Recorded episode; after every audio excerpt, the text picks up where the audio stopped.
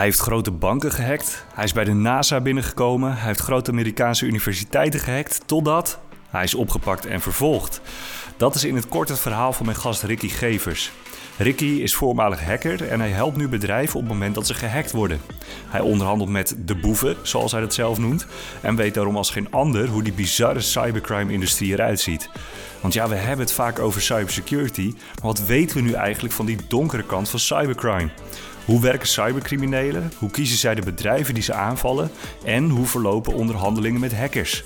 Je krijgt een inkijkje in een wereld die je voor het luisteren naar deze podcast waarschijnlijk nog niet op deze manier kende. En Ricky geeft je ook gelijk de tips waarmee het de bad guys flink moeilijk maakt. Je luistert naar de werkverbeteraars. Veel luisterplezier.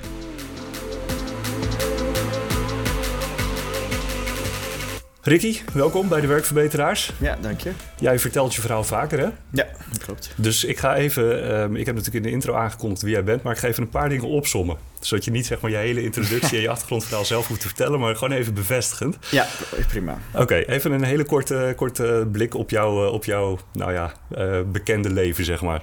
Uh, je had een website, die is ooit gehackt. Ja, correct. Toen zei je, dit gebeurt mij nooit meer. Dat uh, machteloze gevoel wilde ik nooit meer ervaren. Precies. Toen ben je vervolgens zelf in de materie gaan, gegaan om uh, ja, dat, dat hack ook zelf eigen te maken. Ja, correct. Ja, en vervolgens kwam je binnen bij onder andere de NASA, de University of Michigan. En toen ben je op een gegeven moment een keertje opgepakt. Klopt ja, dat? Ja, dat is correct. Ja. Oké, ja. nou top. Dan uh, zet ik nu de timer aan. Dan hebben we 30 minuten om dit uh, gesprek met elkaar te voeren. Perfect. Want wij gaan even een kijkje nemen zeg maar achter de schermen hè, van, van die wereld. Ja. Um, Mis ik nog iets in dit verhaal? Nee, ik denk dat de key, dit zijn de key elementen inderdaad. Van, uh, en dat is het, hetgene wat ik nu doe, is dus mensen helpen die eigenlijk in die situatie waar ik toen in stond uh, verkeerden. Ja. Dus die gehackt zijn en machteloos en geen idee meer wat ze hebben. Ja, precies. Ja. ja. En hoe was het om opgepakt te worden? Wil ik toch nog even vragen. Verschrikkelijk traumatiserend, alles ja. erbij. Ja. In therapie gegaan? Ja, absoluut. Ja. Uh, hoe noem je dat nou ook weer? EMDR gehad, uh, ja. et cetera. Als een politieagent mij belde, dan uh, schoot ik al helemaal uh, door het dak heen. Gelukkig heb ik dat tegenwoordig niet meer. Oké, okay. dus, maar je houdt je nog wel netjes aan de snelheids...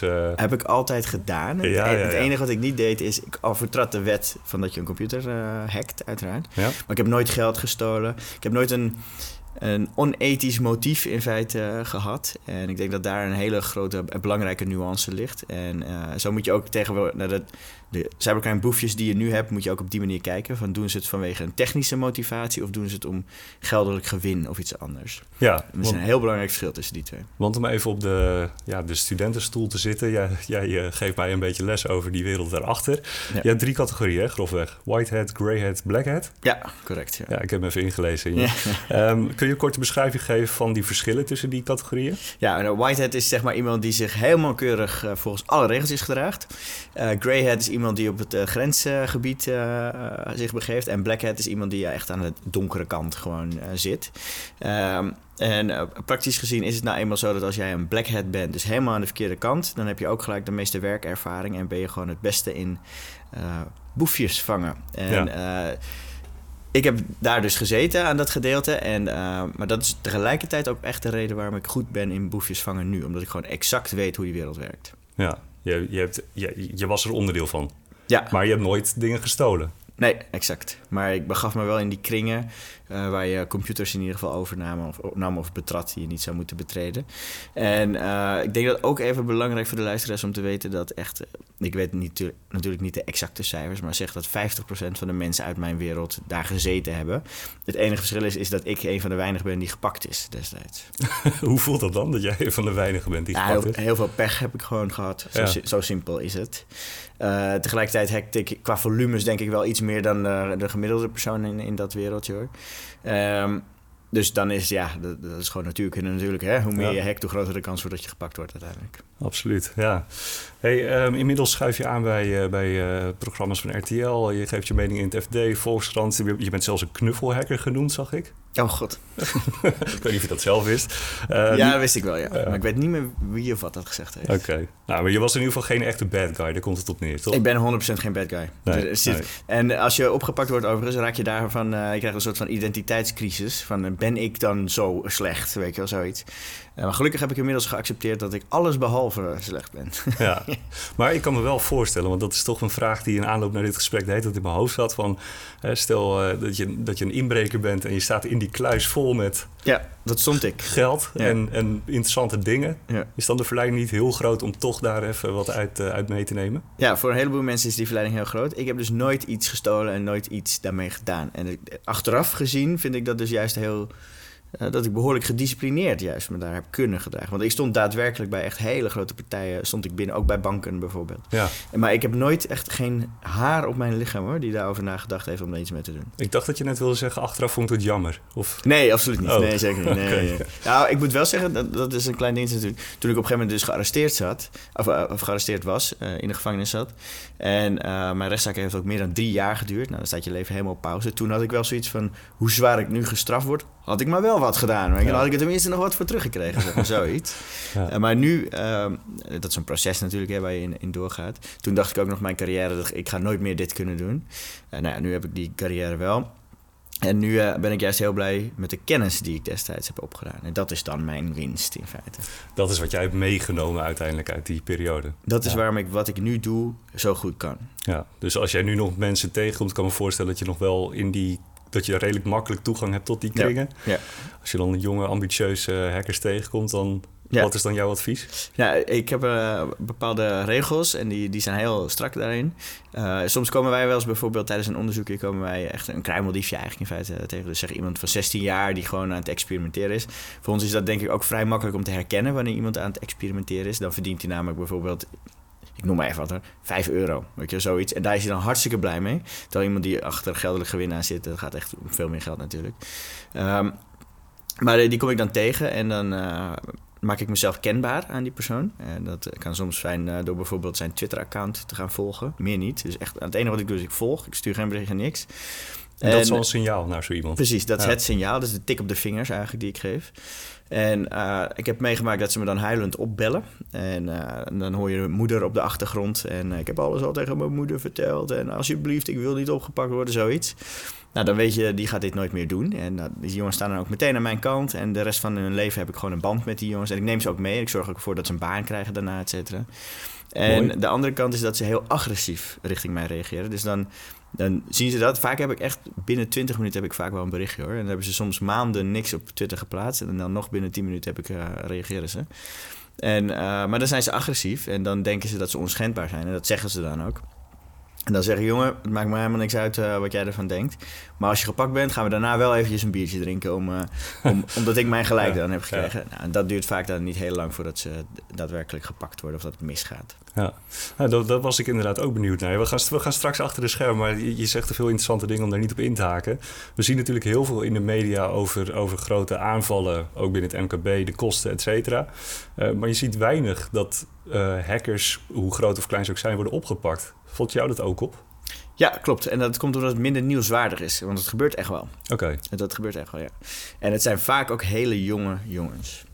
En overigens, de, de, cybercrime-wereld staat in de kinderschoenen. Hè? Dus uh, dit is natuurlijk gewoon eigenlijk de eerste generatie aan hackers pas.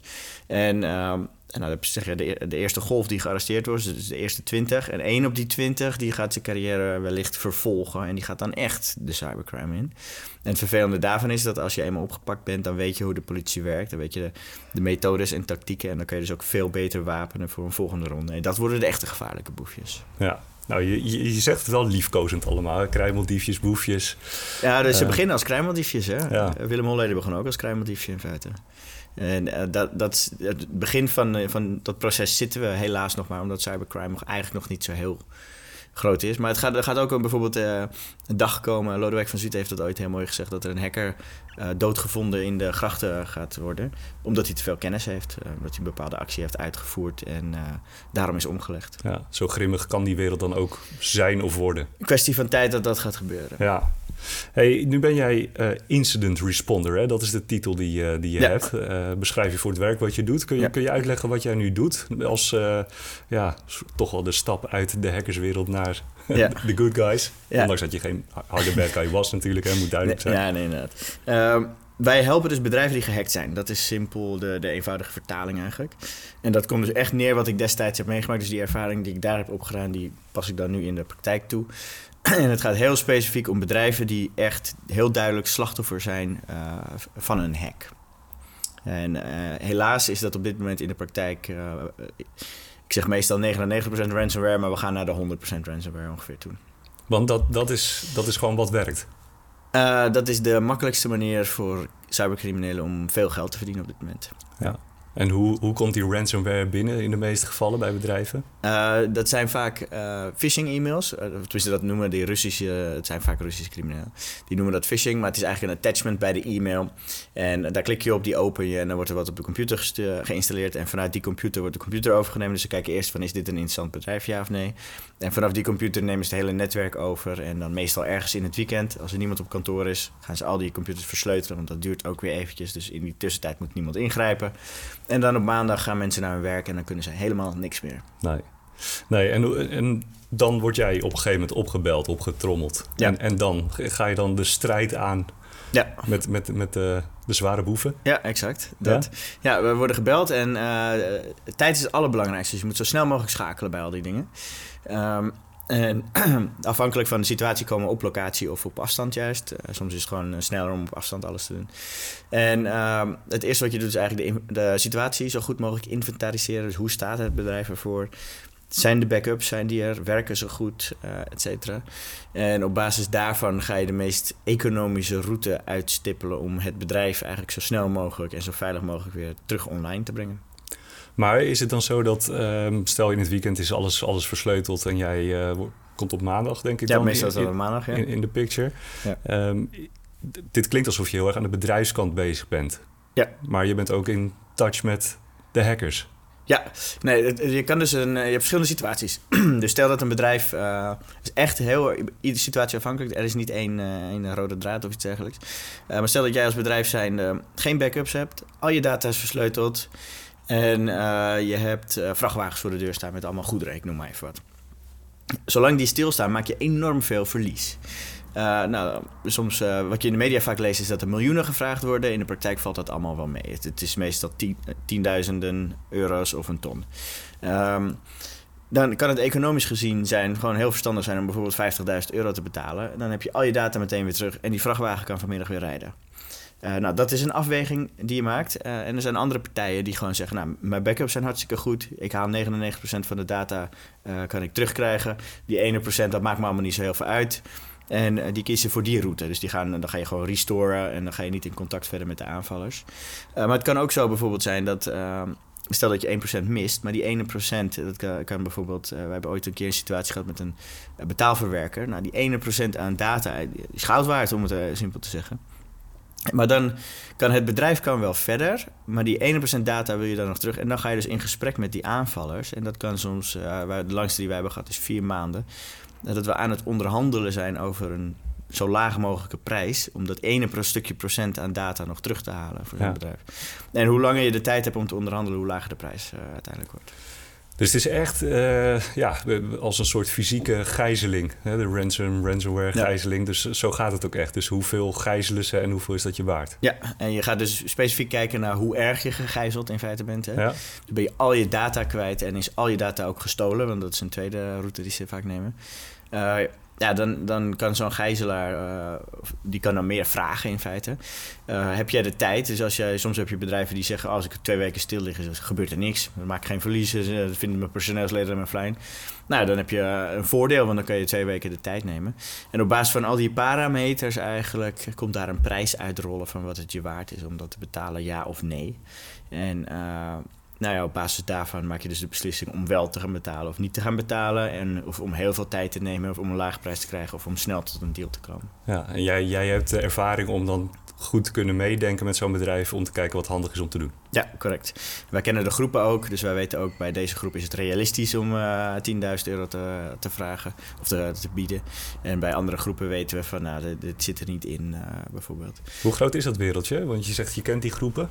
Ja, nou, er zijn, uh, er zijn heel veel ransomware groepen. Ik denk dat je wel 150 of zo hebt. Maar er zijn er eigenlijk maar vijf die altijd gemiddeld genomen, die echt heel actief zijn, dus die je vaak tegenkomt. En tegenwoordig is het, dat is eigenlijk sinds de oorlog in Oekraïne, is het een beetje uh, en dat heeft er waarschijnlijk mee te maken dat ransomware groepen op sanctielijsten terechtkomen. En op het moment dat jij op een sanctie, dan voornamelijk Amerikaanse sanctielijst terechtkomt, uh, dan wordt betalen wordt wel een issue. Dus dan wordt er vaker niet betaald. Nee, die ransomware groepen merken dat. Dus wat ze nu doen is ze rebranden heel vaak. Dus dan zie je, de Conti groep is daar bijvoorbeeld een voorbeeld van. Uh, die zijn waarschijnlijk, dat kan je nooit helemaal bewijzen namelijk, ehm, zijn die overgegaan in nieuwe groepen. En dan komt er ineens een, een black cat tevoorschijn op het toneel. En dat gaat heel snel allemaal. Dus die tuigen een portal op waar je kan chatten met ze. En dan uh, is er heel snel ontstaat er een nieuwe groep. Het, het, het, is eigenlijk, ja, ik moet er een beetje om lachen, omdat het zo bizar is om te horen. Maar het is, ze, ze opereren echt als bedrijven. Ja. Ik denk van, oh, deze branding is niet handig, laten we het anders uh, neerzetten. Dat, ja, dat is letterlijk. Ze hebben ook echt mensen in dienst die ze ja. echt specifieke lonen uitbetalen. Ja. Als jij dus onderhandelt, dan praat je met een negotiator. En die onderhandelt in opdracht van de hacker weer. En je ziet bijvoorbeeld ook als je bitcoins overmaakt, dan zie je vaak dat, uh, afhankelijk van de groep hoor, gaat bijvoorbeeld 20% gaat naar de negotiator of naar de ransomware groep. En uh, eh, 80% gaat naar de hacker. Dus dan zie je die bitcoins zie je dan ook splitsen. Weet je, aan de ene kant gaat die kant op, de andere kant gaat die kant op. Ja, want um, het, ik kan me voorstellen dat de, meeste mensen die luisteren al, al denken van ja, dit is, dit is een wereld die voor me open gaat. Ik moet zeggen dat voor, voordat ik uh, me verdiepte in wat jij deed, had ik altijd het idee, ja, een beetje een soort Matrix-achtige situatie, weet je wel, bij die hackers. Uh, duistere, schimmige jongens in loodsen die eindeloos zitten te hacken, maar dat, dat is het niet. Nee. Nee, ja, eh, kijk, het, het grootste probleem dat we hebben binnen de cybercrime-wereld is Rusland. Dus die gasten Opsporen kunnen we echt wel, dus we weten echt wel wie er allemaal achter zitten. Alleen ze wonen in Rusland, dus krijg je ze niet gearresteerd. En, uh, maar het zijn nog wel steeds hackers hoor, dus het zou prima nog iemand in een loods uh, kunnen zijn. En je ziet ook nog wel vaak dat ze best wel individueel nog opereren. Dus ze sluiten zich wel aan bij een groep, maar ze zijn eigenlijk nog steeds een beetje... Die groep faciliteert ze vooral. Hè? Dus die, je moet het een beetje vergelijken met die groep geeft ze software. Of vergelijken met een leaseauto of wat dan ook. Ja. Uh, maar het is nog steeds een individuele medewerker die een bedrijf hackt in feite. En die vervolgens zich daarvoor doet als groep. Want die groep heeft een naam, die groep heeft regels, heeft een reputatie. Daar is de software betrouwbaar van. Ik noem maar even wat. Hè. En... Uh, dat, ja, dat is heel belangrijk. En gek genoeg binnen dat wereldje is zo'n gegeven. Dus de, de, merknaam is ook heel belangrijk. Want als wij bijvoorbeeld weten dat uh, een bepaalde ransomware groep niet betrouwbaar is, uh, ja, dan gaan we daar geen zaken mee doen. En dat zullen we dan de klant natuurlijk ook vertellen: van deze zijn niet betrouwbaar, dus gaan we niet betalen. En dus die jongens zorgen ervoor dat ze betrouwbaar zijn, omdat ze weten dat, ze, dat er anders geen geld binnenkomt. Ja, en zijn er, zijn er dan ook uh, soms vriendelijke mensen waar je mee onderhandelt? Want je krijgt nog best wel eens wat tijd, hoor ik. Ja, ja het verschilt heel erg per groep. Uh, maar uh, ze kunnen gewoon heel vriendelijk zelf zijn. Ja, met een klantenservice. Ja, het is... Uh, HR-afdeling. Ja, je hebt, meestal heb je een chatportal. En daar moet je... Dus op, op het Tor-netwerk. En dat doen ze dan om zoveel mogelijk onzichtbaar eigenlijk te zijn. En daar log je op in met een specifieke code vaak of een username en een wachtwoord. En dan chat jij daar gewoon met die personen. En uh, afhankelijk van de ransomware groep reageren ze heel snel. En soms reageren ze een dag niet hoor. Dat zijn de, de kleinere groepen. Maar de snellere ransomware groepen die reageren binnen 20 minuten. Kan het bedrijfsleven nog wat leren van dit soort groepen? Even een zijstraatje. Ja, ze reageren 24-7. dus, ja. dus ik denk dat de dienstverlening daar eh, heel goed is. Uh, nou is dit natuurlijk wel een hoogkritische dienstverlening. Dus daar kan je dat misschien ook wel, wel weer verwachten. Uh, en het is een wereldwijde dienstverlening. Um, maar het, het, is, je moet het natuurlijk... Een helpdesk bij een bol.com is wel iets vriendelijker dan, dan okay, deze helpdesk. Ja, ja, ja, dat wel. Oké. Hey, nou ben ik ook wel benieuwd. hoe, hoe gaan zij te werk? Want ik, ik kan me voorstellen dat als je de, de media openslaat, om het zo maar even te zeggen, dat je een beetje bang kan worden van, uh, van al die berichtgeving. Ja. Is het zo dat die groepen die jij beschrijft, dat die met hagel schieten, kijken wat werkt? Ja. ja. Dat, is, dat is wat ze doen. Ja? Ja. ja, er zijn de twee, de twee belangrijkste routes eigenlijk. Is, uh, één, je hebt dus de, de e-mails die binnenkomen met een attachment. Uh, nou, dat is met hagelschieten. Die schieten zeggen, nou, halen ze iedereen uh, gewoon af. En wat ze daar ook doen, dat is bekend, zeg maar. Van, nou, iemand opent dat, iemand infecteert zijn computer. En er komt dan ergens dus een melding binnen hun dashboard. En dan gaan ze vervolgens kijken van, is dit een interessant bedrijf, ja of nee? En afhankelijk daarvan wordt daar vervolgens door een actieve hacker zeg maar, op die computer ingelogd uh, of niet.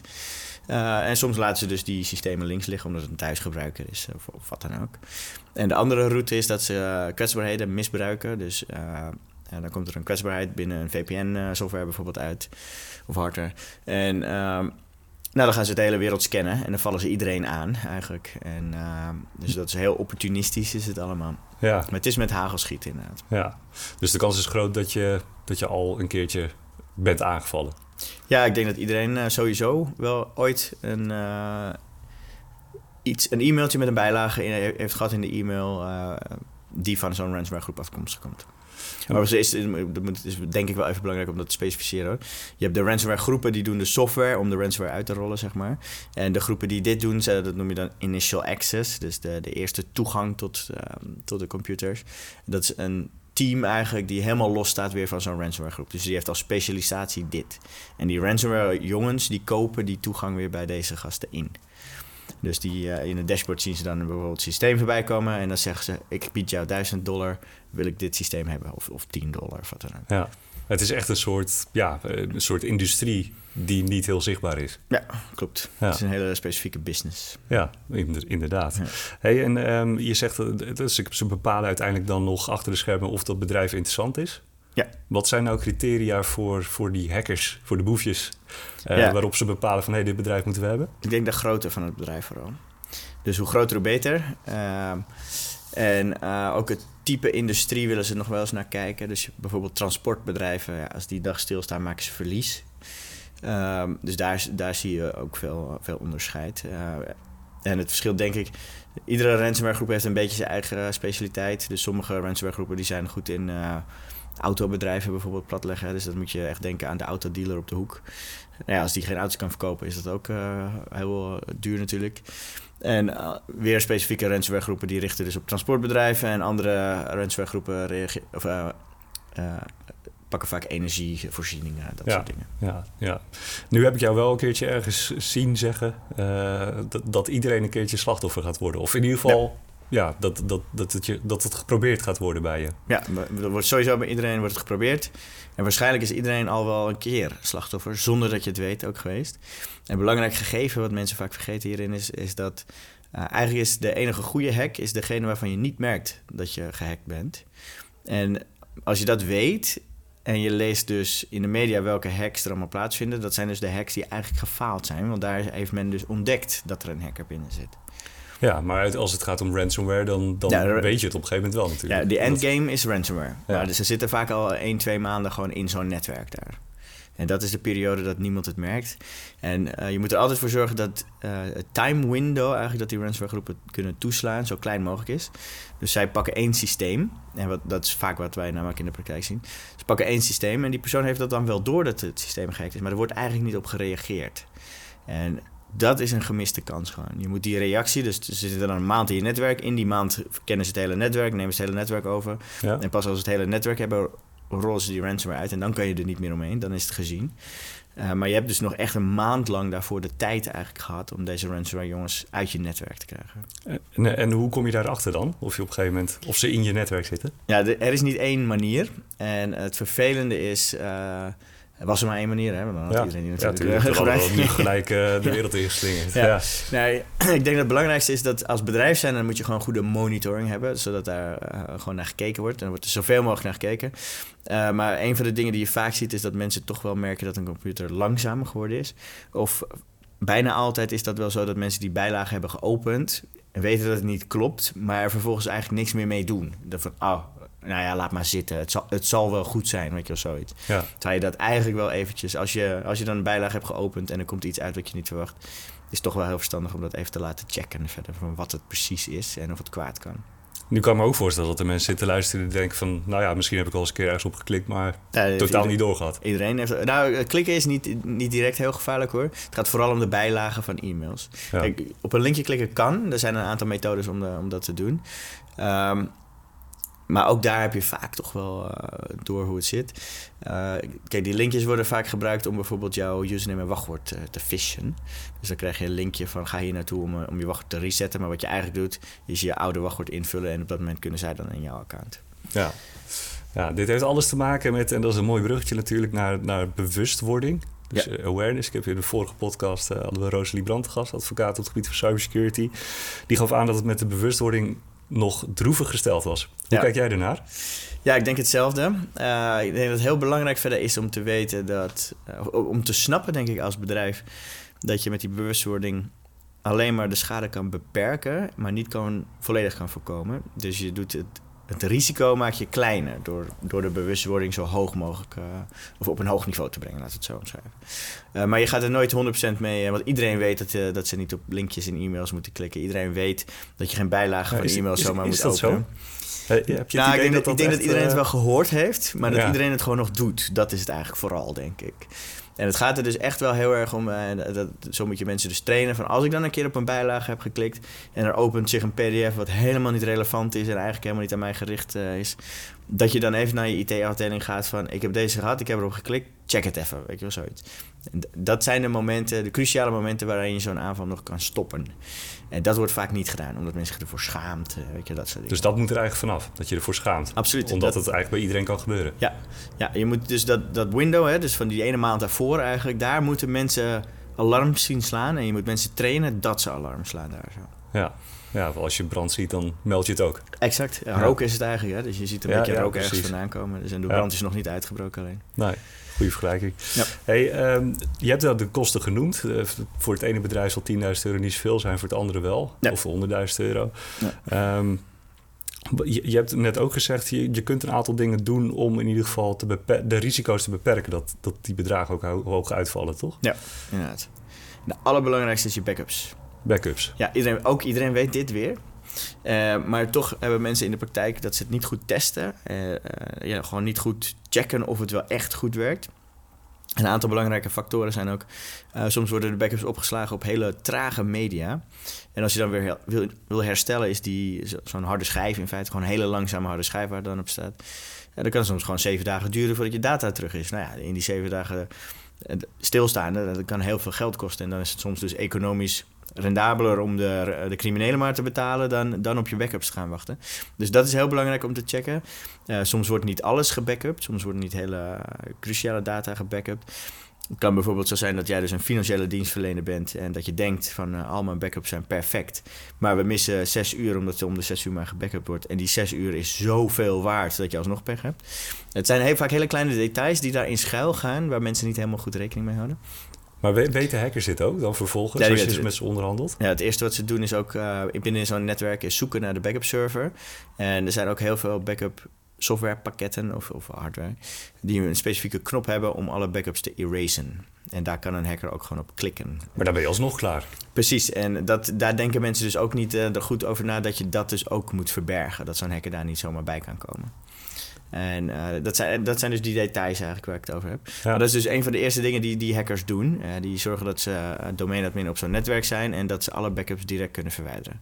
Nou, ja, dan sta je. Dan ben je de lul. Ja. En eh, in ons wereldje heet dat het 1, 2, 3 backup principe. Dus dat je op, uh, op drie verschillende manieren eigenlijk een backup hebt. Zodat als ze de eerste en de tweede verwijderen, dat je altijd nog een nummertje 3 hebt. In de praktijk zien we dat helaas niet vaak. Um, en de tweede hele belangrijke is updaten. En ook daar kent iedereen weer. En ik denk dat ook hier het een beetje misgaat dat mensen niet helemaal snappen waarom dit zo belangrijk is. Uh, maar als een update uitkomt, dan betekent dat vaak dat er een beveiligingslek gedicht wordt. Dat is het moment dat een hacker ziet: oh, deze software is dus lek, er zit ergens een lek. Dan ga je kijken naar die update, dan kan je direct zien waar dat lek zit.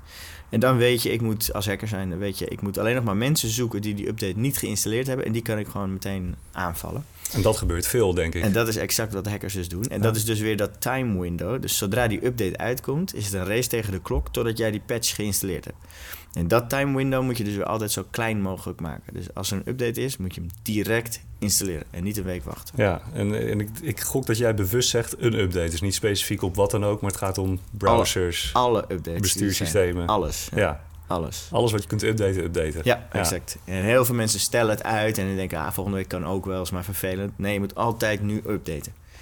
Want nu, zodra die update uitkomt, zijn er hackers die er misbruik van maken. Ja, dus als in uh, Google Chrome uh, dat icoontje al een beetje geel wordt, gelijk doen. Exact. Ja. Daarom, daarom zit hij daar. Om jou te pushen om dat zo snel mogelijk te doen. Ja, duidelijk. Hey, wat, wat zijn nou de grootste eye-openers die jij terugkrijgt van bedrijven die zijn gehackt? Dat ze terugkijken en denken, shit, dit heb ik echt, dit had ik, als ik dit had geweten, dan had ik het gelijk gedaan. Zijn dat dan die backups of kom je andere dingen nou, tegen? ook uh, hoe je reageert op het incident dus. Wat veel partijen ook nog niet echt goed op orde hebben, is dat... Uh, uh, als er dan een hack heeft plaatsgevonden binnen zo'n bedrijf, dus één computer. Dus stel dat jouw laptop uh, is slachtoffer geweest. Nou, dan weten we met binnen IT, ja, hij is gehackt. En nu?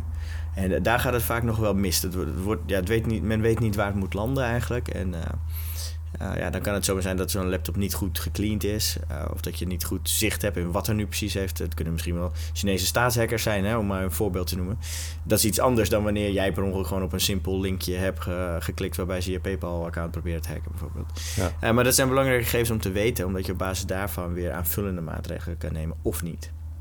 En daar, maar daar gaat het dus best wel vaak fout. En in de meeste ransomware gevallen uh, die wij meemaken, is het vaak ook wel, als je dan met de mensen spreekt in ieder geval, dan hadden ze wel al iets door. Oké, okay. dus dat, dat, ja, die aanname die klopt dan wel van jou. Dat, ja. je, ja. dat je in die window zit van, uh, van die vier weken. Ja, en in die window moet jij toeslaan. En uh, je ziet dus echt vaak dat partijen gewoon een week wachten of iets zeggen. Je moet echt meteen gaan bellen en meteen zorgen dat er iemand die er verstand van heeft in ieder geval naar kijkt en weet wat er moet gebeuren. Wat moet er nou gebeuren om, om die bedrijven dan wel zover te krijgen dat ze gelijk gaan bellen?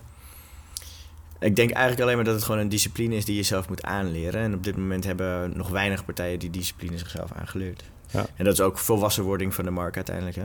We hebben nu heel erg gefocust op preventie. Dus iedereen wil altijd... Uh, ieder bedrijf, security bedrijf zegt vaak ook dat ze de silver bullet hebben. Als je ons product gebruikt, dan word je nooit meer gehackt. Ja. Nou, ik denk dat we vooral van dat principe af moeten staan.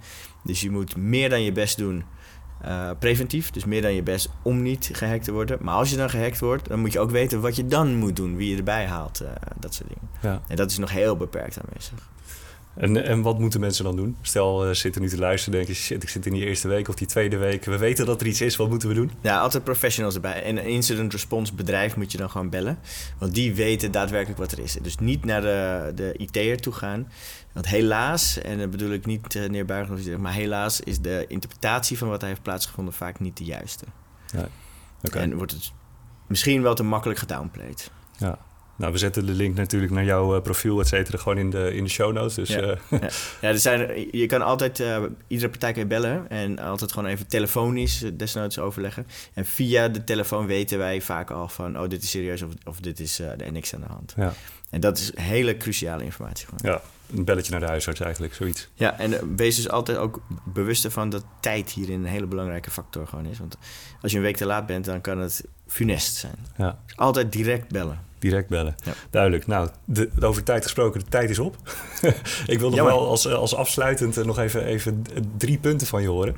Uh, wat zijn nou de drie dingen die je nu wil meegeven aan iedereen die luistert als het gaat om uh, ja, preventie of uh, gelijk acteren? Ja, de drie allermakkelijkste, de meest toegankelijke en de ja. meest belangrijke.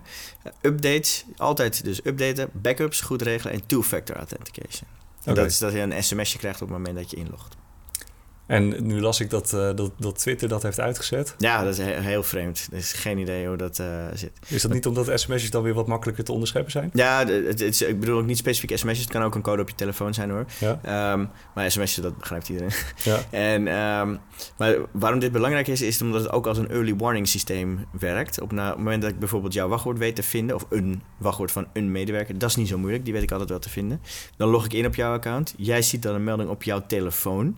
En dan ben je gewaarschuwd. En dan gaat dus weer dat timeframe gaat lopen. En dan heb je dus de tijd om weer veilig te worden. Ja, precies. Ja. Dus dan ben je okay. weer op tijd voordat de hack plaatsgevonden heeft. Duidelijk.